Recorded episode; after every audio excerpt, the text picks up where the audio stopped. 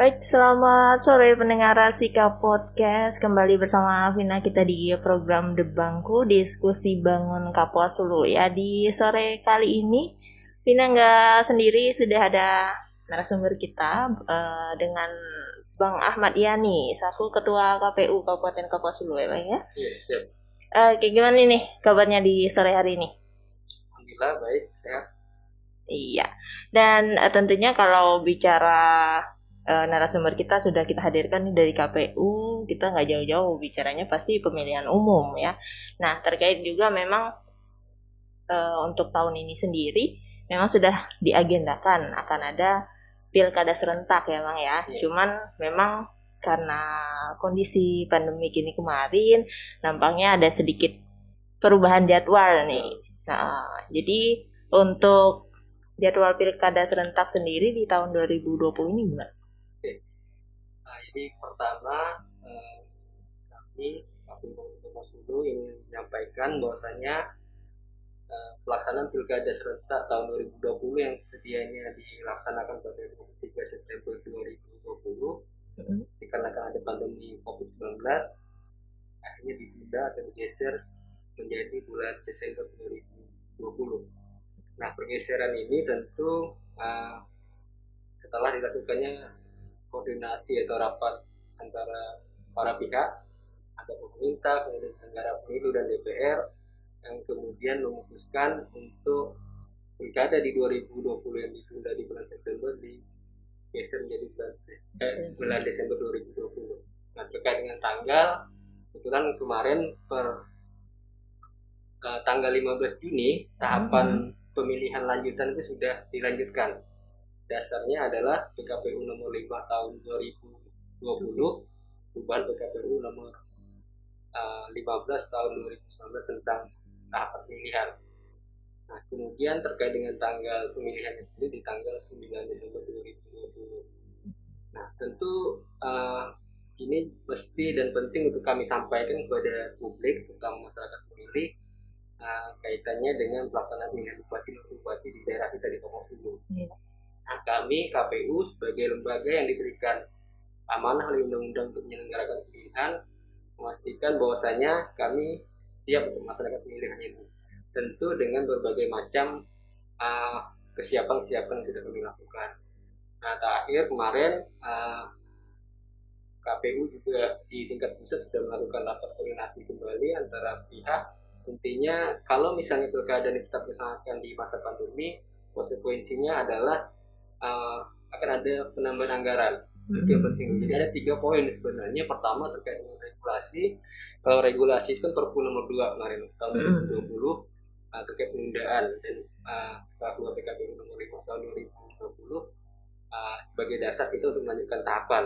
Artinya pemilihan tetap dilaksanakan di tahun 2020 kemudian yang kedua terkait dengan anggaran. Nah, kebetulan uh, dari hasil rapat tersebut pemerintah juga sudah menyetujui hmm. Terkait dengan usulan penambahan anggaran uh, oleh KPU. Nah, perlu kami sampaikan bahwasanya penambahan anggaran ini terkait dengan uh, kelengkapan APD ya, alat iya, pelindung diri untuk penyelenggara oh. kita uh, dalam melaksanakan tahapan pemilihan. Nah, kalau misalnya anggaran ini tidak tersedia, tentu tidak bisa menjamin atau memastikan bahwasanya pelaksanaan tahapan yang dilakukan oleh teman-teman penyelenggara uh, dalam kondisi terbaik.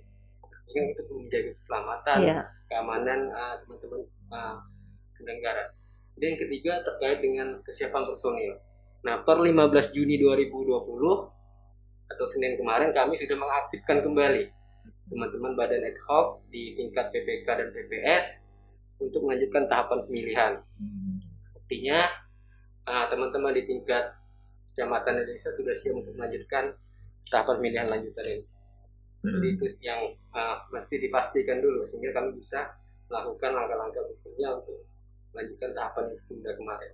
Oke, berarti uh, untuk karena kan per 15 Juni sudah iya. dilanjutkan yeah. ya tahapannya tadi, berarti untuk tadi kelengkapan seperti APD dan segala macam ini sudah terpenuhi ya, Bang? Oke, jadi terkait dengan APD ini, uh, kami sampai dengan saat ini masih berkoordinasi dengan KPU provinsi uh, untuk mendapatkan gambaran secara detail atau petunjuk teknisnya nantinya seperti apa sebenarnya pengadaan APD ini. Apakah di uh, lakukan oleh teman-teman di kabupaten kota hmm. atau dilakukan oleh pusat. ya karena sumber pendanaannya kemarin jadi diusulkan melalui APBN okay. walaupun misalnya ada beberapa kabupaten kota yang juga mendapat support dari PBD tapi kan uh, tentu kabupaten kota juga punya dana yang terbatas untuk iya. ini nah kita tahu APD ini kan uh, lumayan banyak ya, yang perlu dipersiapkan hmm. nah, misalnya seperti ini uh, ada tahapan-tahapan penting yang bersentuhan langsung dengan masyarakat pemilih. Mm-hmm. Misalnya dalam waktu dekat kita mesti melakukan verifikasi dukungan syarat calon persorangan, verifikasi faktual maksudnya. Nah, itu di tanggal 28 eh mohon maaf, tanggal 24 Juni 2020 sampai dengan tanggal 12 uh, eh, Juli 2020. uh, pada saat verifikasi dilakukan tentu akan uh, bersentuhan langsung dengan masyarakat pemilih. Iya. Misal uh, saya memverifikasi ibu uh, terkait dengan dukungan kepada salah satu pasangan calon, nah itu mesti dilengkapi dengan masker misalnya, hmm. mesti jaga jarak. Nah, ini iya. masker itu bagian dari kampanye kami untuk memastikan bahwa protokol COVID-19 ini uh, dilakukan, terutama oleh jajaran penyelenggara dan hal-hal lain misalnya semacam hand sanitizer, sarung tangan, pelindung wajah dan lain sebagainya ini yang perlu dipersiapkan. Nah, harapan kita karena tahapan ini sudah tidak lama lagi akan dilakukan, segera ada keputusan dari pusat uh, terkait dengan proses pengadaan APD. Kalau memang kita, kita akan lakukan, tapi kalau memang di cover oleh KPU RI, itu, itu menjadi kewenangan mereka untuk mengadakan. Oke, nah itu berarti kita sekarang sedang berada di tahapan uh, apa tadi faktualisasi ya? Masuk ke tahapan verifikasi faktual. Verifikasi hmm, faktual ya. Uh, nah setelah uh, tahapan ini nanti untuk tahapan-tahapan berikutnya untuk jadwalnya tersendiri memang sudah. Okay. Uh, terkait dengan tahapan ini tentu dasarnya pasti ada peraturan KPU mengatur. Hmm. Nah kebetulan PKPU yang mengaturnya sudah keluar, PKPU hmm. nomor 5 tahun 2020 tentang tahapan program dan jadwal. Nah, yang saya sampaikan tadi terkait dengan tahapan yang sempat ditunda di hmm. bulan Maret yang lalu karena ada pandemi ini kan kita tunda ada empat tahapan misalnya tahapan uh, pelantikan PPS kemudian tahapan verifikasi faktual PDP dan copit kemudian keempat tahapan penyelenggaraan daftar pemilih nah ini tahapan yang tidak nah dalam waktu dekat yang paling depan mesti kita lakukan adalah verifikasi faktual ini. karena kita kebetulan ada satu bakal pasangan calon yang maju melalui jalur perseorangan kalau misal di publik lebih dikenal dengan calon independen iya. kalau misalnya kita tidak ada calon perseorangan kita tidak melakukan tahapan ini. Oh begitu ya Uh, baik um, itu untuk uh, mungkin terkait dengan verifikasi daftar pemilih nantinya ya tahapan ini. Lalu juga yang menjadi penting mungkin untuk catatan karena di masa pandemi ini ketika nanti memasuki masa kampanye. Yeah. Nah, tentu kan ada teknik tersendiri lagi untuk kampanye ini kira-kira seperti apa karena untuk pengumpulan massa kemungkinan besar karena aturan COVID-19 ini juga tidak memungkinkan gitu.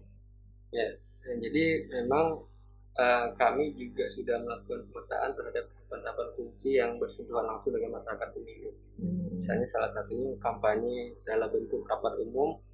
Uh, ini kan biasanya melibatkan orang banyak. Iya. Bisa di suatu ruangan yang luas atau misalnya di tempat terbuka, misalnya di dan segala macam. Nah terkait dengan pengaturannya, memang sampai dengan saat ini uh, masih dilakukan penyusunan oleh KPU RI terkait PKPU tentang kampanye. Uh, kalau misal di keadaan yang normal sih nggak masalah kan? Iya. Um, banyak orang tapi dalam keadaan yang seperti sekarang seperti saat ini ya. seperti tidak dimungkinkan. Ini perlu ada regulasi lebih lanjut terkait dengan hal ini. Nah, kami belum bisa menyampaikan seperti apa pengaturannya. Yang jelas akan ada pembatasan jumlah pastinya. Hmm. kalaupun itu tetap dilakukan di uh, tempat terbuka karena yang menjadi kewajiban kami sebagai penyelenggara memfasilitasi kegiatan. Nah, apakah kemudian misalnya pasangan calon itu memanfaatkan fasilitas itu atau tidak itu kembalikan ke mereka mungkin ada pertimbangan tertentu. Nah, terkait dengan kampanye ada beberapa metode kampanye misalnya tadi rapat umum Mm-mm. yang untuk orang banyak pertemuan terbatas tatap muka pemasangan APK kemudian penyebaran bahan kampanye Mm. dan debat publik. Nah, ada beberapa ah, dan ah, termasuk iklan di media cetak dan elektronik. Iya. Nah, ada beberapa kampanye yang kita fasilitasi. Misalnya pertama debat publik. Mm-mm. Nah, itu menjadi bagian dari ah, tanggung jawab KPU untuk fasilitasi. Kemudian yang kedua terkait dengan iklan kampanye di media cetak dan elektronik. Itu menjadi domain kita. Kemudian yang ketiga ah, pemasangan ah, dan penyebaran APK Mm-mm. Pemasangan APK dan penyebaran bahan kampanye itu menjadi tanggung jawab kita. Selain itu uh, menjadi kewenangan dari masing-masing bakal pasangan calon. Nah harapan kita memang uh, di musim seperti ini, di saat seperti ini, tim kampanye atau pasangan calon lebih kreatif melihat peluang. Iya. Kira-kira uh, pada media mana yang punya peluang atau lebih mudah untuk dilakukan yang menjangkau masyarakat pemilih sesuai dengan uh, apa namanya itu klasifikasinya. Oke, nah itu tadi untuk eh, mungkin tahapan kampanye. Tentunya nanti setelah kita melewati kampanye, tibalah nanti kita ke waktunya pemungutan suara Iya. nih. Nah, untuk pemungutan suara sendiri juga tidak mungkin seperti pemungutan suara yang sudah-sudah nih ya. Apakah ada ketentuan tersendiri juga untuk eh, di tahapan pemungutan suara? Uh, jadi terkait dengan pungut hitung, uh, pemungutan dan penghitungan suara itu di tanggal 9 Desember 2020 nantinya. Uh, tentu ada ketentuan yang mengatur lebih lanjut tentang pungut hitung. Misalnya sekarang kami yang awalnya di pemilihan 2018 itu kan pemilihan gubernur. Nah. TPS per uh, jumlah pemilih per TPS itu paling banyak 800. Nah, karena ada pandemi ini, nah, jumlah pemilih per TPS uh, kemudian menjadi berkurang Uh, dari 800 menjadi 500 per TPS, 500 pemilih maksudnya. Nah, ini salah satu bagian dari antisipasi terkait dengan adanya kerumunan nanti kan. Kalau Iya, misalnya iya. 800 dimungkinkan waktu ini tidak cukup untuk mereka melakukan proses pengut hitung karena dimulai dari jam 7 sampai jam 1. Nah, bisa jadi di waktu-waktu tertentu mereka lalu numpuk, misalnya Hmm. satu jam sebelum uh, Ya, TPS ditutup kan lalu ramai. Tentu tetap memperhatikan protokol COVID tadi. Misalnya antriannya diberi jarak misalnya ya. kan. Kemudian tempat duduknya untuk menunggu itu juga dibatasi jumlahnya. Nah, kemudian juga masyarakat yang datang ini kita himbau untuk tidak bersamaan. Nah, untuk mengantisipasi ini, kemudian juga mesti pakai masker. Kemudian di TPS nanti kita siapkan uh, hand sanitizer misalnya. Kemudian kita siapkan keran untuk cuci tangan, sabun, tisu, kemudian juga uh, diwacanakan kita akan menyiapkan termometer gun itu. Iya. Jadi dicek suhu Dicek tubuh dulu kan tubuh betul untuk memastikan bahwasanya pemilih yang datang ke TPS itu dalam kondisi sehat. Sehat. Nah, kemudian ini tambahan eh, perlu kami sampaikan juga kepada masyarakat pemilih bahwasanya ada tiga tahapan kunci sebenarnya dalam pemilihan. Pertama dari penyusunan daftar pemilih. Nah, ini kita juga mengharapkan partisipasi dan dukungan dari semua pihak karena memang eh, proses pencocokan dan penelitian atau coklit ini dilakukan door to door. Nah, jadi tidak eh, eh, apa namanya itu tidak berbasiskan RT RW tetap seperti yang lalu. Hmm. Jadi tetap tugas kita datang ke tiap rumah pemilih. Nah tentu dengan standar apa dengan protokol COVID tadi ini tugas kita pakai- pasti pakai masker Iya. ya nanti kan. Nah, kemudian jaga jarak juga kemudian ada aktivitas. Nah sehingga ah, ini butuh dukungan juga dari teman-teman misalnya Bawaslu dan kemudian pihak kepolisian untuk memastikan bahwasanya petugas kami ini di lapangan ah, bisa bekerja dengan baik dan masyarakat juga kooperatif. Yang Hmm. telah dipikir nanti ini dari dinas kesehatan pula yang datang Iya. misalnya seperti itu kan lalu ada isu-isu yang tidak Iya betul. uh, sesuai dengan fakta di lapangan.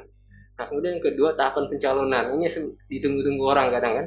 Iya. Masyarakat selalu bertanya nih siapa, Siapa, calonnya, siapa, berapa iya. orang calon dan segala macam.